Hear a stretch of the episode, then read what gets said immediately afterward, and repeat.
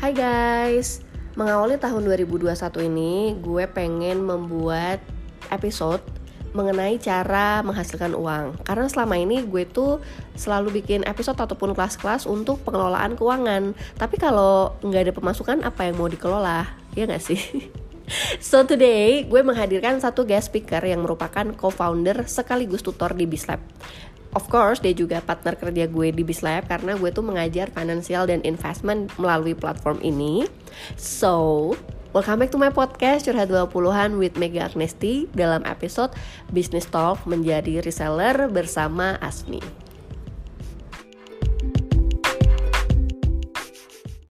Hai Asmi, uh, sebelum kita ngobrol-ngobrol lebih jauh mungkin ya Asmi tuh siapa supaya Boleh. pendengar di rumah lebih tahu terus ceritain tentang mungkin sedikit tentang Bislab dan juga tentang reseller activity yang kamu lakukan ya Asmi.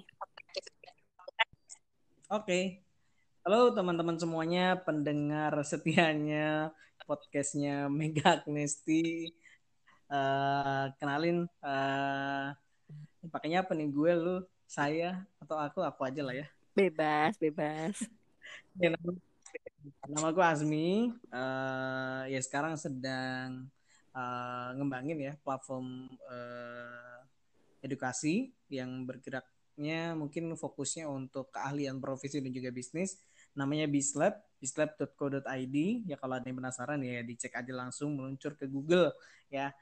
Ada salah satunya juga pengajarnya nih Kak Mega nih ngajar tentang investment juga ya mm-hmm. berkaitan dengan oh financial planning ding empatnya dua ya ada financial okay. planning ada investment juga. Uh, oke okay, kemudian uh, selain itu memang ada usaha yang lain juga ya. Masih jadi reseller juga dan ada yang produk sendiri juga. Jadi ada beberapa produk yang satunya produk khusus untuk kecantikan untuk herbal juga ada. Kemudian ada produk berupa uh, sebenarnya lebih ke perempuan juga sih ada hijab juga sama lagi mandek sini ya tapi ada keripik gitu loh keripik khas daerah gitu namanya keripik opak nah, oh oke okay. sih paling sebenarnya uh, lagi ngembangin itu aja ya ada Uh, sebenarnya yang tapi tetap yang lagi benar-benar fokus sebenarnya ada di Slab itu sendiri sih. Kalau misalkan untuk yang reseller itu juga sambilan lumayan jadi rezeki ya jualannya lewat Shopee dan lain-lain. ada reseller juga punya reseller juga jadi, jadi pasukan uh, uh, apa namanya ngebangun pasukan reseller juga sih. Gitu. Banyak banget ya Asmi. Berarti kan mulai dari hijab, keripik, terus ada makeup ya tadi apa skincare? Enggak, uh, lebih ke ini sih sebenarnya cuma face mist aja sih. Oh, produk herbal terus bisa dibikin face mist. I see. Yes. Tapi produknya lumayan banyak juga ya Asmi ya? Lumayan, sambilan aja sebenarnya. Sambilannya tapi cukup menghasilkan loh. Eh Asmi, boleh dong cerita sebenarnya bedanya reseller sama dropshipper apa sih? Soalnya tuh dua term ini suka bikin aku bingung sih. Oke, sebenarnya kalau misalkan kita ngomongin reseller atau dropshipper, secara ya secara apa?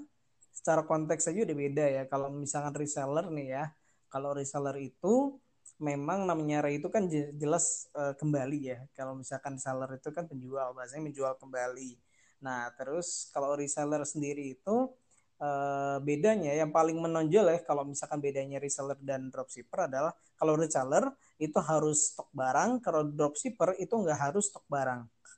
Hmm, reseller harus stok barang, nah, dropshipper nggak iya, harus stok barang. Iya, kalau nggak harus. Hmm, nah, kemudian yang selain memang stok barang dan gas stok barang, yang kedua itu kalau reseller itu harus ada minimal pembelian.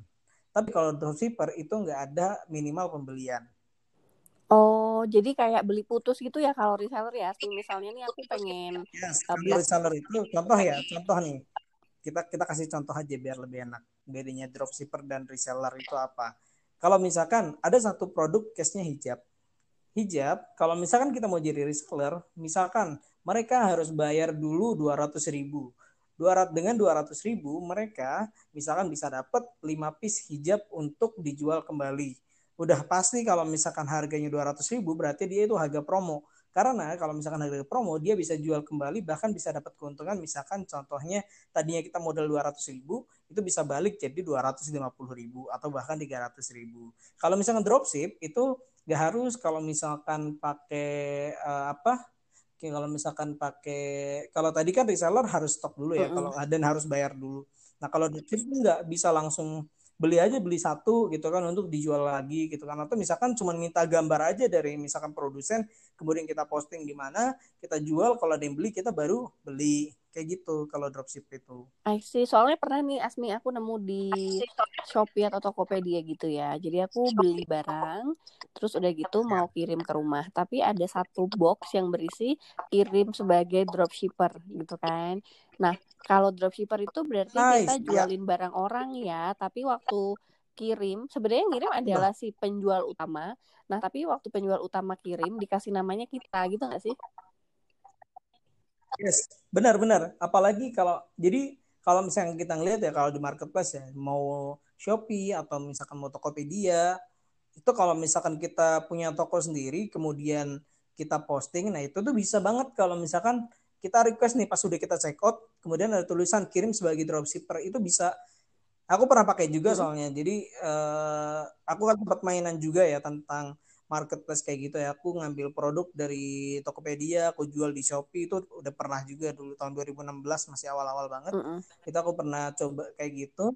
Nah dari situ ya ya worth it banget. Jadi gampang banget gitu kalau kalau kita mau mau coba jualan pakai dropship kayak aku cuman ngambil jadi ya ini ini nggak boleh sebenarnya kayak model scrap kayak gitu ya dari dari produk dari apa dari toko orang lain produknya kita ambil gambarnya kemudian kita jual di di Shopee kita sendiri. Habis itu kalau mau beli produk ya dari toko itu juga. Sebenarnya sih secara keuntungan ya si seller yang di toko tadi untung juga kalau misalnya kita ordernya ke dia kan gitu. Mm -mm.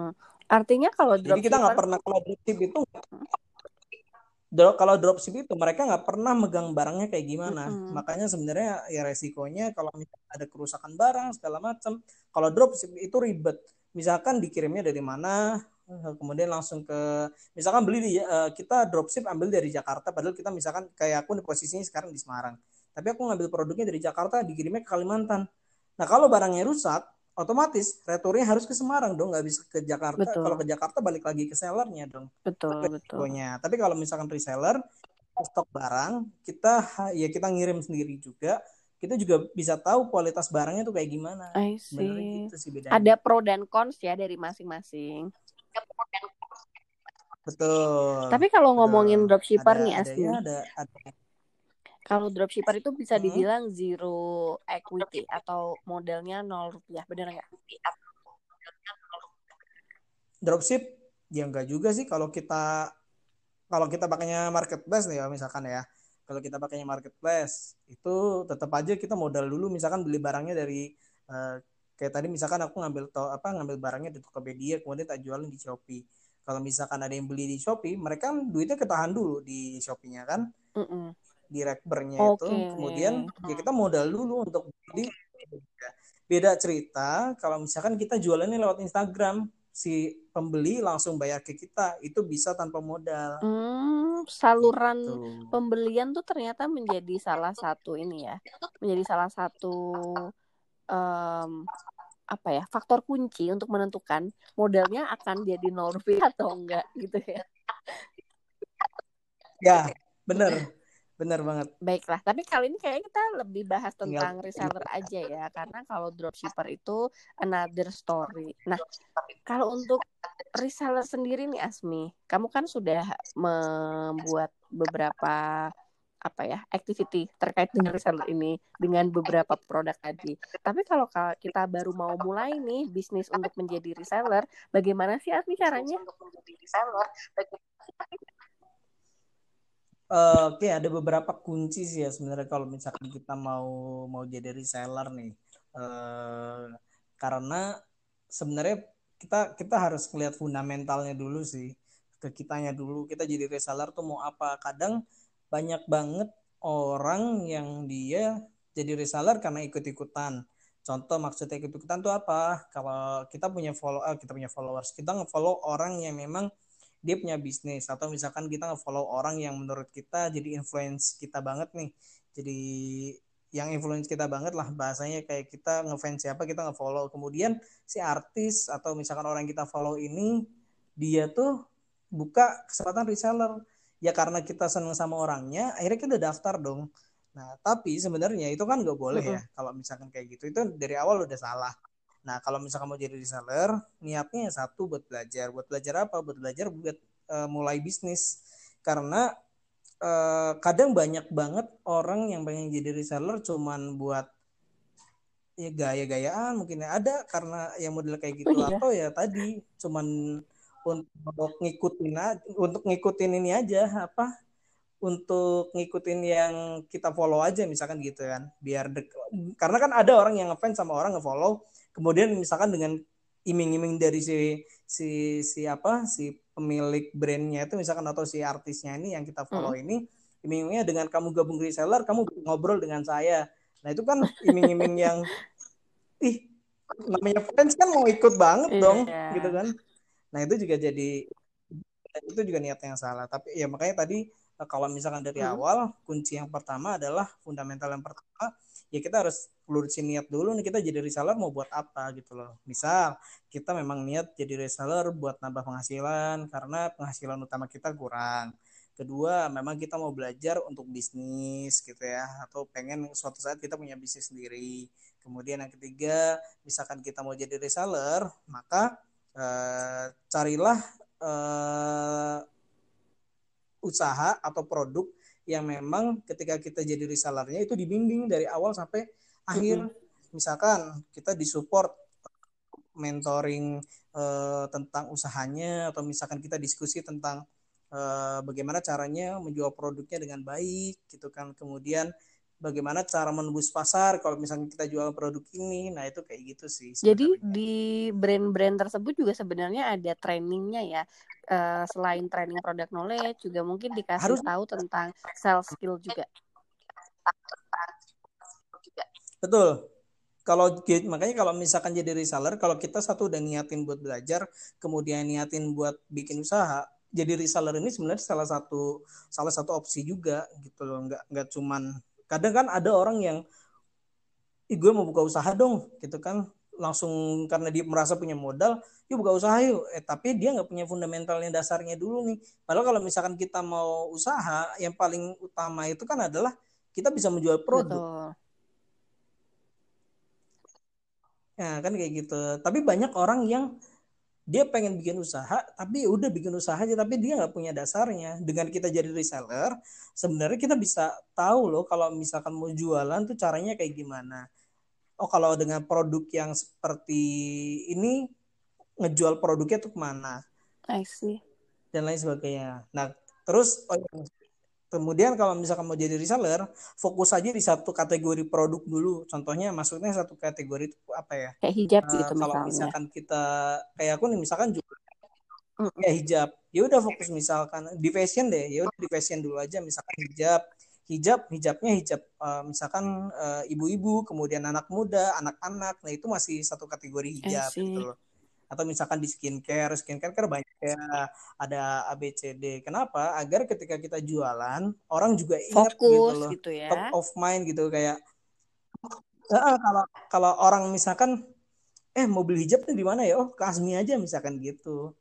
Asmi punya uh, kalau aku kan spesialisnya bergo ya kalau hijab bergo. Eh mau beli hijab bergo di mana? Udah di tokonya Asmi aja. Jadi orang langsung Oh iya. Selain gitu. fokus terhadap produk Ingat, juga jadi ketika orang brand image juga ya, mengandung eh sorry, membangun personal brand image. Betul. Jadi kalau beli Bergo carinya Betul. Asmi gitu. Yes. Betul. Kayak gitu. Makanya sebenarnya kalau misalkan kayak aku jualan kayak gini kan ada beberapa produk yang aku share mm -hmm. juga ya kayak ke ya mungkin yang tadi ya produk untuk yang kayak Fastmiss tadi aku nggak pernah share kalau aku tuh punya produk itu gitu karena biar produknya yang ngangkat sendiri. nah, kayak hijab. Hijab aku nggak nggak nggak ya jarang banget untuk nge-share segala macem ya. Tapi kalau misalkan yang paling aku share sekarang ya udah Bislab. Bislab karena orang taunya ya udah aku memang ngurusin Bislab gitu jadi kalau tadi kita udah punya fundamental untuk memulai bisnis gitu ya Asmi. Kemudian udah menentukan kategori yang ingin kita pasarkan. Nah selanjutnya tuh apa Asmi? Selanjutnya tuh apa selanjutnya ya kita udah tahu fundamentalnya. Kemudian kita juga tahu nih sebenarnya kayak tadi kan kalau misalkan kita mau jadi reseller kita harus cek dulu nih perusahaannya tuh atau misalkan produknya itu dia menyiapkan untuk training atau enggak gitu ya. Kemudian mereka tuh mau membimbing apa enggak. Kemudian kita tuh dikasih uh, apa sih namanya master sales kit, master kit ya, promotion ya, kit. Apa sih? Iya sales kitnya apa enggak.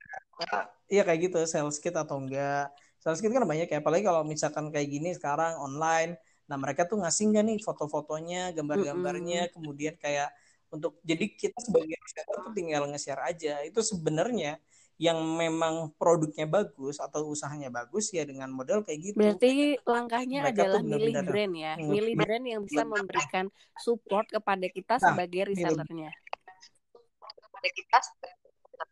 Yap, bener banget. Jadi jangan sembarangan asal milih brand ya jangan asal milih karena kita senang sama orang yang nge-share-nya jangan itu sebuah kesalahan karena kalau udah kayak gitu kita nggak bakal punya kekuatan untuk menjual produk yang ada kita kadang rugi Betul.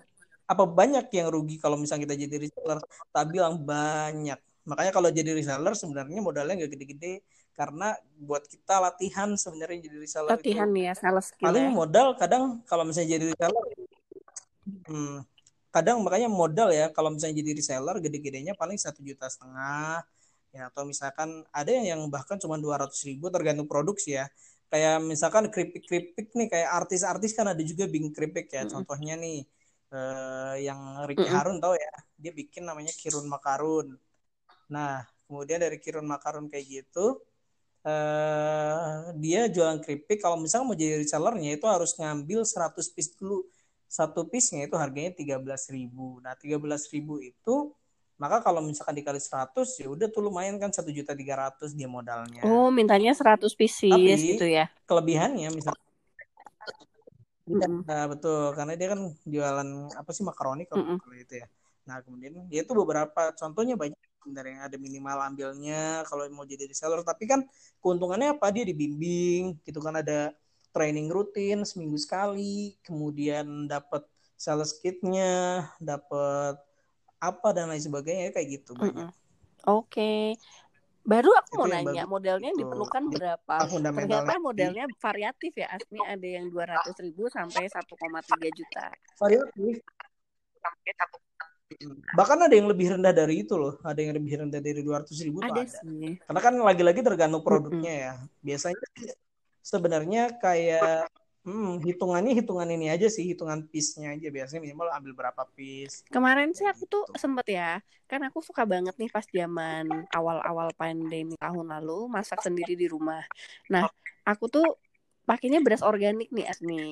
Tiba-tiba karena aku tiap hari sering sering apa namanya tiap minggu lah. Karena isinya tuh cuman kayak satu kilo gitu jadi kan enak ya sangat sangat. tuh enteng kalau dibawa pas belanja gitu kan.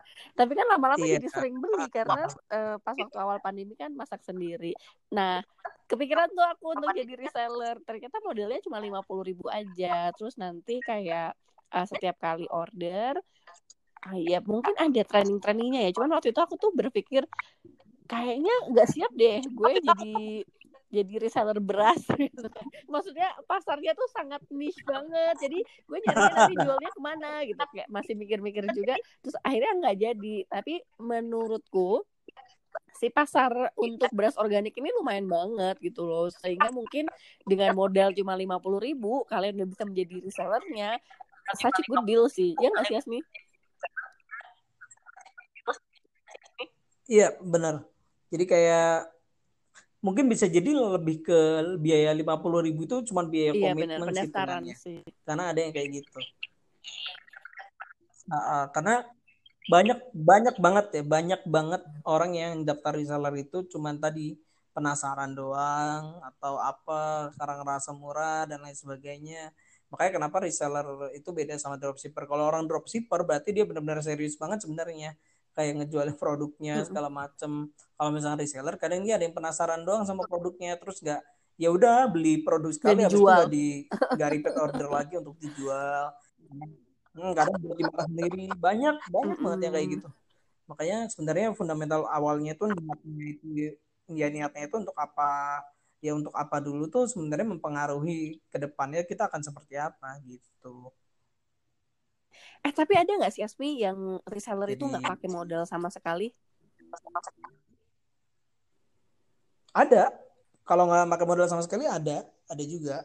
Kadang mm -mm. Eh, tapi biasanya lebih ke orang yang nggak nggak banyak sih tapi ya karena rata-rata mereka yang namanya produsen pasti pengennya juga dapat putaran uang dulu dong gitu dapat ya dapat ya dapat apa dapat penghasilan juga kan. Kalau hmm. misalkan tanpa modal kadang ya risiko juga. Aku juga pernah aku aku pribadi sebenarnya pernah buka untuk mereka yang karena aku ngajar ya. Jadi hmm. peserta aku tak jadi yang mau jadi reseller siapa? Nggak usah pakai modal deh gitu kan. Cuma tak kasih sales kitnya aja. Ya hmm. tapi habis itu ternyata benar kurang efektif. Kenapa? Karena nggak ada komitmennya akhirnya jadi sebenarnya kita mengeluarkan uang itu jadi reseller untuk komitmen juga, bukan cuma sekedar kita pengen jualan. Tapi ada juga yang serius, ada juga yang serius. Tapi mm -mm. bisa dihitung jari lah daripada mungkin mereka yang udah punya modal kemudian menunggu-nunggu bagaimana caranya dijualin produknya dan lain sebagainya mm -mm. kayak gitu sih. Nah, di kantor aku tuh sebenarnya ada juga yang Asmi karena kan sebenarnya kalau kita membicarakan beauty industry, makin ke sini tuh makan makin banyak banget kan yang jual-jual MLM pada dasarnya prinsip MLM itu kan reseller tapi kita punya downline kan sehingga bonusnya lebih banyak. Nah kemarin tuh kantorku bikin hmm. juga program reseller uh, tanpa biaya. Jadi dia cukup daftar nih ke kantor aku pengen jadi reseller, dia nanti dikasih sales kit, dikasih training, terus ya udah dia tinggal jual-jual aja. Nanti kalau ada yang beli, transfernya itu langsung ke kantor aku. Menurut aku itu kayak kombinasi reseller sama dropshipper ya nggak sih? Iya benar benar benar.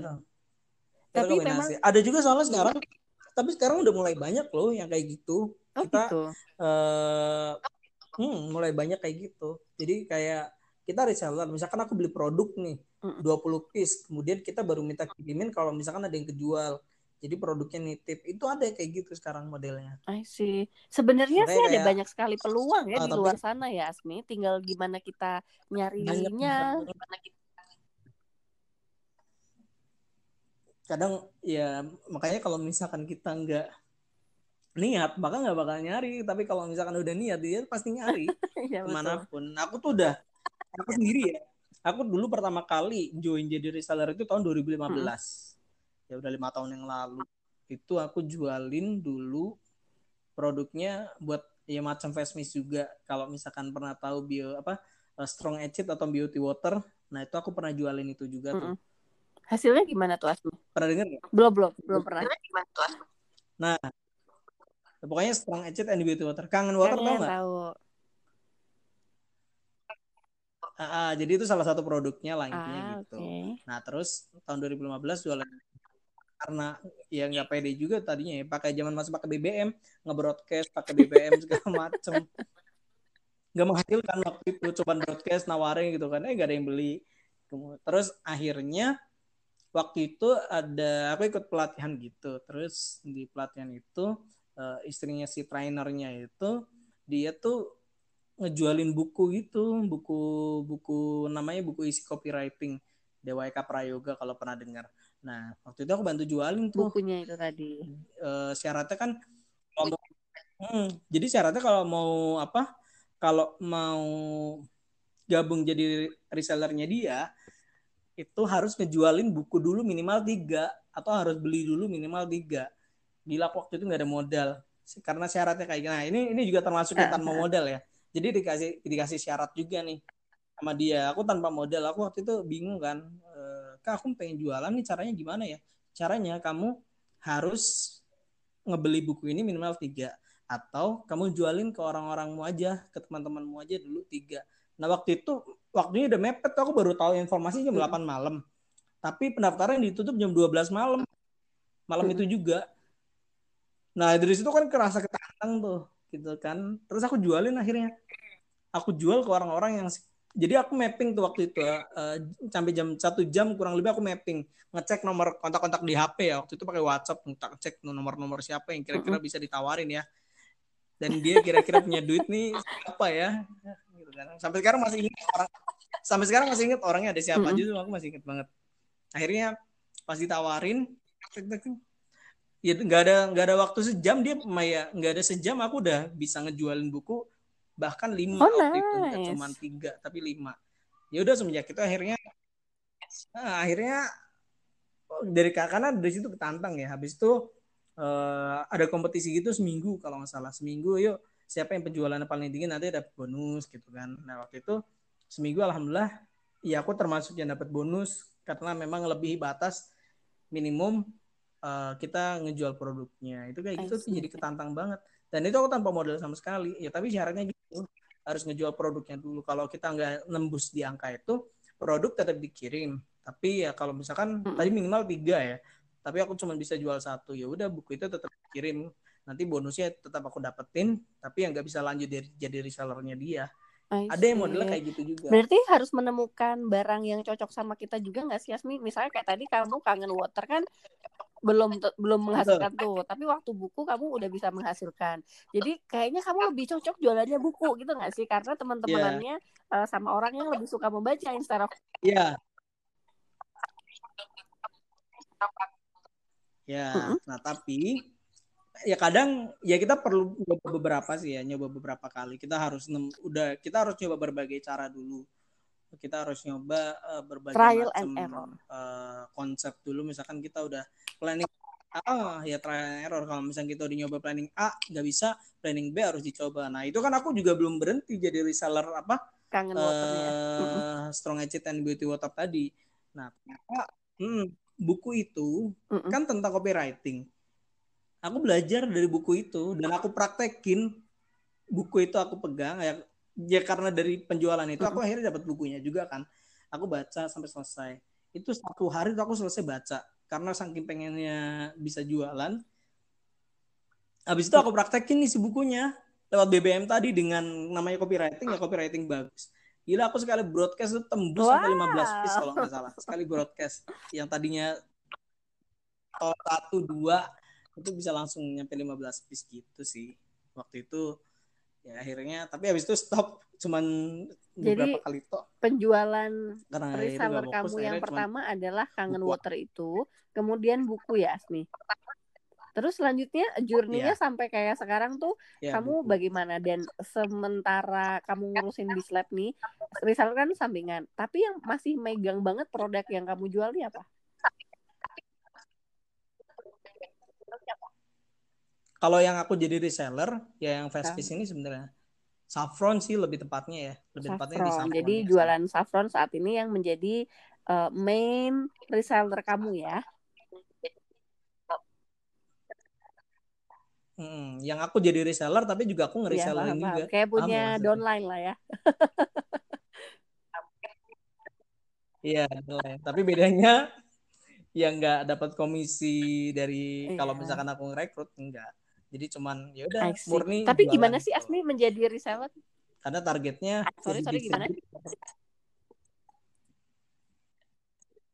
Ya karena targetnya aku bisa jadi distributor ah, gitu. Nice. Kamu kan udah lima tahun nih berkecimpung di dunia reseller. Keuntungannya jadi reseller tuh gimana sih Asmi? Lumayan menarik nggak sih? Apalagi kan kita lagi masa-masa pandemi kayak gini ya. Menarik mm. ya buat aku menarik banget ya kalau misalkan apalagi orang-orang yang lagi butuh tambahan uang apalagi di mas di musim pandemi kayak gini ya mau nggak mau kita harus uh, putar otak kan dan yang cara paling gampang memang untuk kita bisa dapat uang di kondisi kayak gini ya kita jadi reseller apalagi misalkan kita habis kena mohon maaf misalkan mm -hmm. ada yang habis kena PHK habis ada yang uh, yang susah yang nyari kerja ya, kena gitu imbas ya. oleh pandemi kayak gini. Maka harus putar kerja mm -hmm. juga itu kan jadi masalah. Yaudah sekarang yang bisa dilakukan adalah kita jadi reseller jadi salah satu opsinya. Kenapa jadi reseller? Satu makanya tadi kan aku udah bilang ya kalau jadi reseller cari brand yang benar-benar mereka tuh mau uh, mengajari si resellernya seperti apa cara berjualan dan lain sebagainya. Itu kayak gitu sih. Jadi keuntungannya ya selain dapat uang tambahan, dapat relasi juga, bahkan kadang banyak yang support satu sama lain di satu grup reseller itu. Kadang juga teman-teman yang lain yang mereka udah berhasil, mereka juga sharing gimana sih cara jualannya.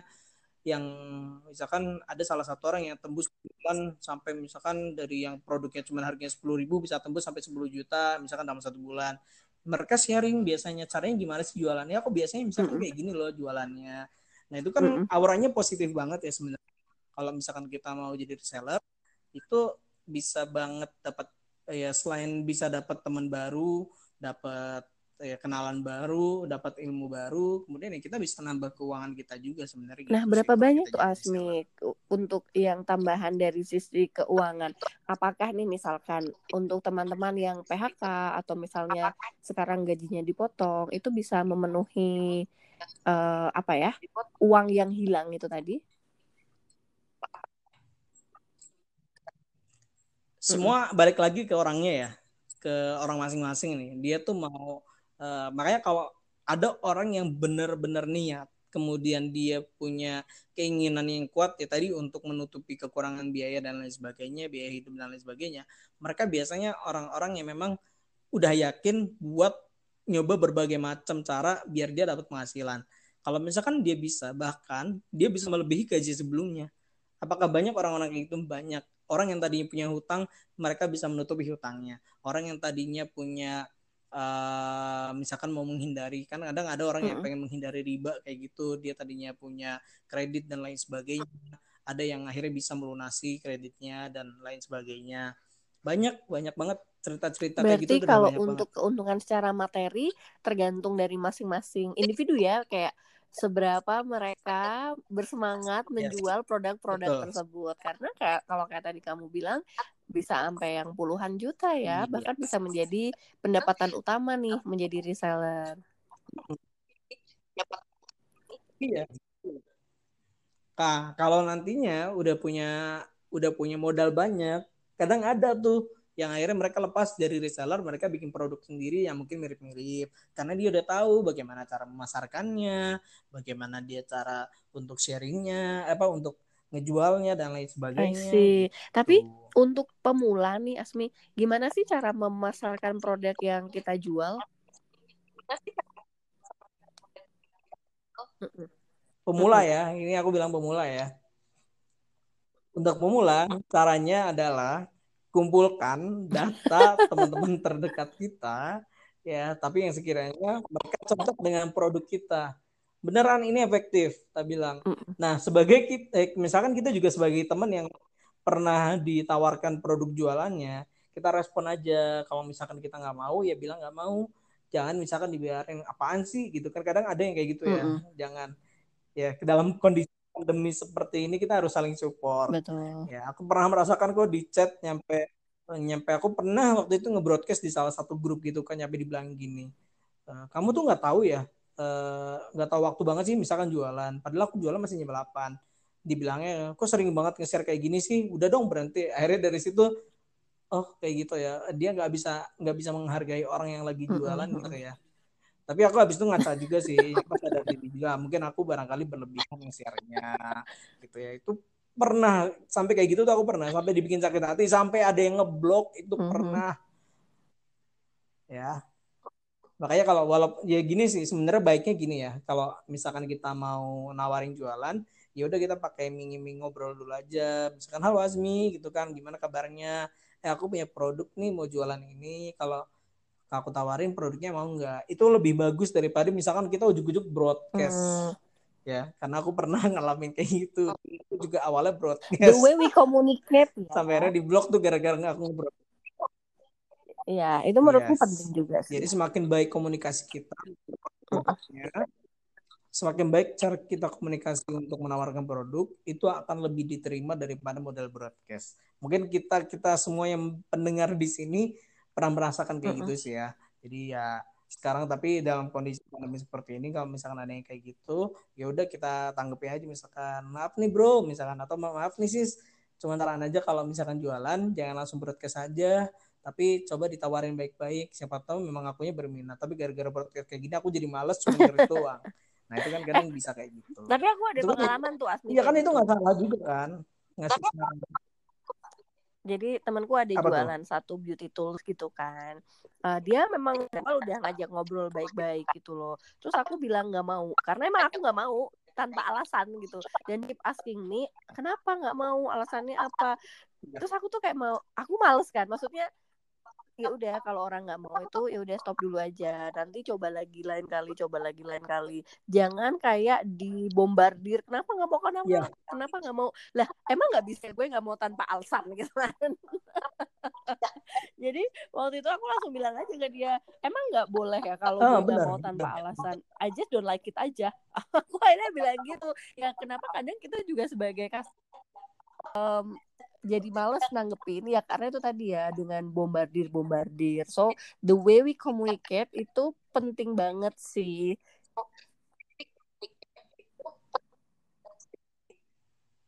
Yes setuju banget. Setuju. Dari situ aku juga belajar sih. Oh ya makanya dulu kayak mungkin buat orang yang baru jualan kemudian langsung diomongin kayak itu itu di grup loh diomongin ya. kayak gitu. Kemudian langsung di blok itu kan uh kayak asem nih gitu kan. Ada gimana nih? Masa kayak gini banget? Orang lagi jualan lo lagi usaha lo tapi ya itulah ya teman-teman mungkin yang nantinya mau jadi reseller nih ya yang yang dengerin podcast ini.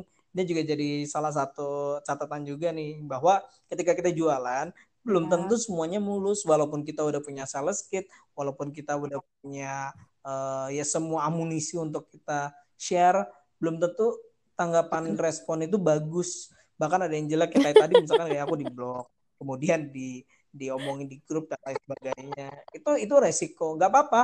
Uh, itu akan semakin membuat mental kita itu siap. Tapi ada juga yang mereka uh, semakin terlatih. Makanya harus dibiasakan. Ya penolakan, penolakan itu adalah, adalah sesuatu yang biasa yang gitu tertunda kan. ya. Nggak apa-apa ini kan Ya, betul Asli, banget. Tapi ya kalau aku melihat teman-teman aku sekarang Jadi, nih, uh, kan ada nih satu brand beauty yang MLM atau ada satu brand oil yang MLM. Ya pokoknya banyak banget lah yang MLM sekarang ini.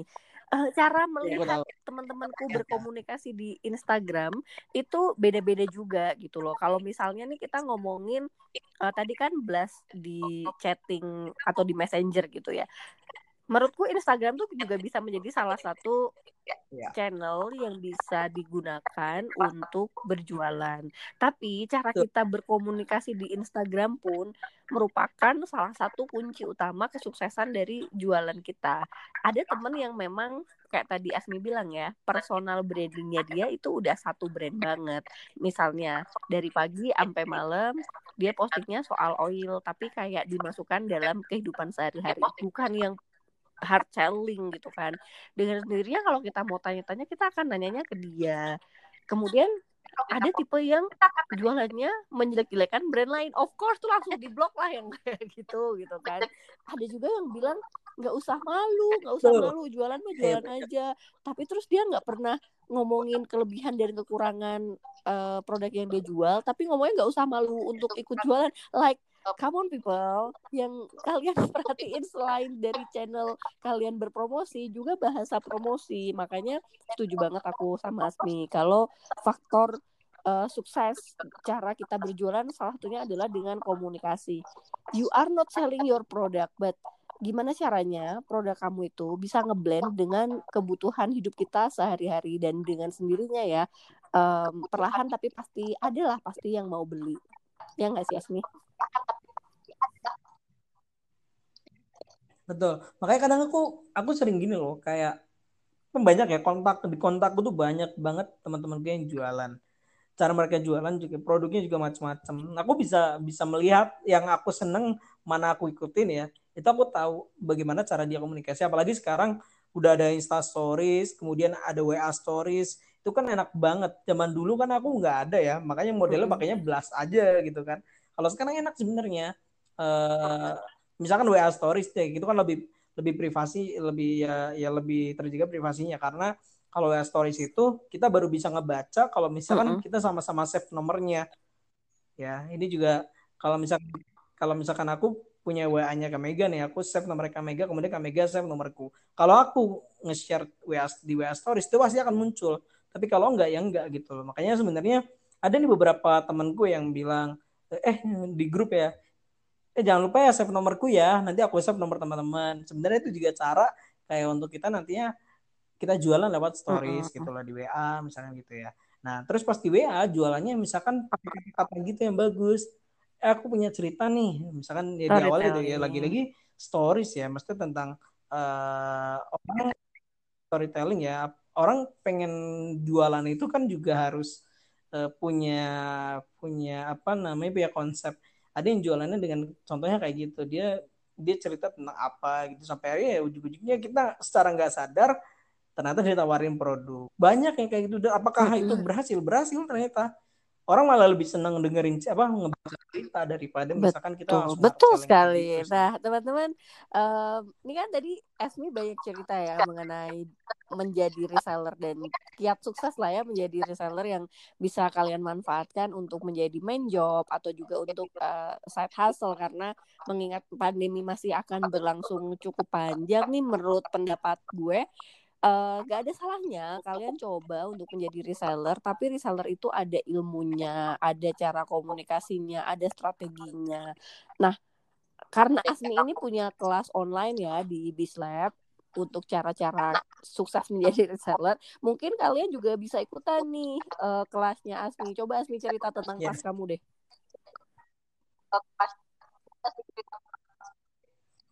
Ya, kalau teman-teman, kalau misalkan memang ada yang mau belajar bareng, yuk nanti juga ada kesempatan uh, penawaran produk juga. Siapa tahu nanti produknya cocok. Ya, bahkan kalau misalkan teman-teman udah join kelasnya, uh, feel free banget kalau misalkan memang mau coba tanpa modal dulu ya. Tapi ya, di ikut kelas dulu ya di Bislab. Uh, cari aja kelasnya cara sukses menjadi reseller nanti teman-teman ya kurang lebih akan diajarkan banyak hal tentang fundamentalnya seperti apa seharusnya kalau jadi reseller, kemudian uh, berbagai macam tentang uh, cara pemasaran produknya, bagaimana kita memilih produk yang bagus untuk kita jual ketika kita jadi reseller dan lain sebagainya. Ya, lebih detailnya silakan meluncur aja ke platformnya Bislab. Itu seru banget. Kalian dapat ilmu untuk menjadi reseller dari Asmi. Udah gitu langsung ada prakteknya ya kan di akhir kelas dengan jualan produk tanpa harus ada modal dulu. Yes, Oke. Okay. Betul. ya, yuk gabung.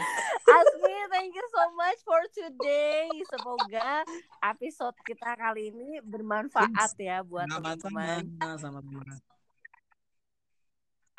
Thank you, amin, Asmi. Amin. Ya, senang banget nih bisa diundang kami. Iya, dengan senang hati aku juga.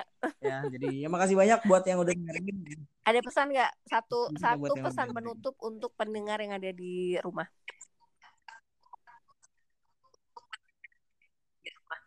Satu pesan penutup uh, buat yang lagi mau belajar jualan, tetap semangat. Buat yang lagi menca mau mencari rezeki tambahan juga semangat intinya dalam kondisi seperti apa pun apalagi di masa pandemi kayak gini semua orang punya kesempatan masing-masing punya peluangnya masing-masing tapi kalau misalkan di depan uh, teman-teman semuanya ada peluang atau kesempatan yang sekiranya bisa mengubah hidup kita ambil dan tidak perlu pikir panjang Nah, sih, thank you so much Asmi. Sampai ketemu lagi ya. Bye bye.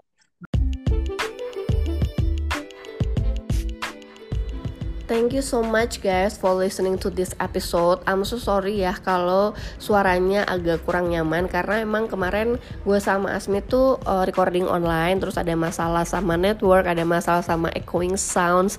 Tapi mudah-mudahan tidak mengurangi esensi dari episode kali ini. Nah, kalau kalian pengen belajar lebih intens tentang menjadi reseller, kalian bisa join kelasnya Asmi di Bislab. Instagramnya itu ada di description podcast ini. Dan menurut gue ya, saat corona seperti ini, bisa mendapatkan penghasilan tambahan itu oke okay banget dan menjadi reseller pun bisa menjadi main job dengan income yang tergantung dari usaha kita sendiri.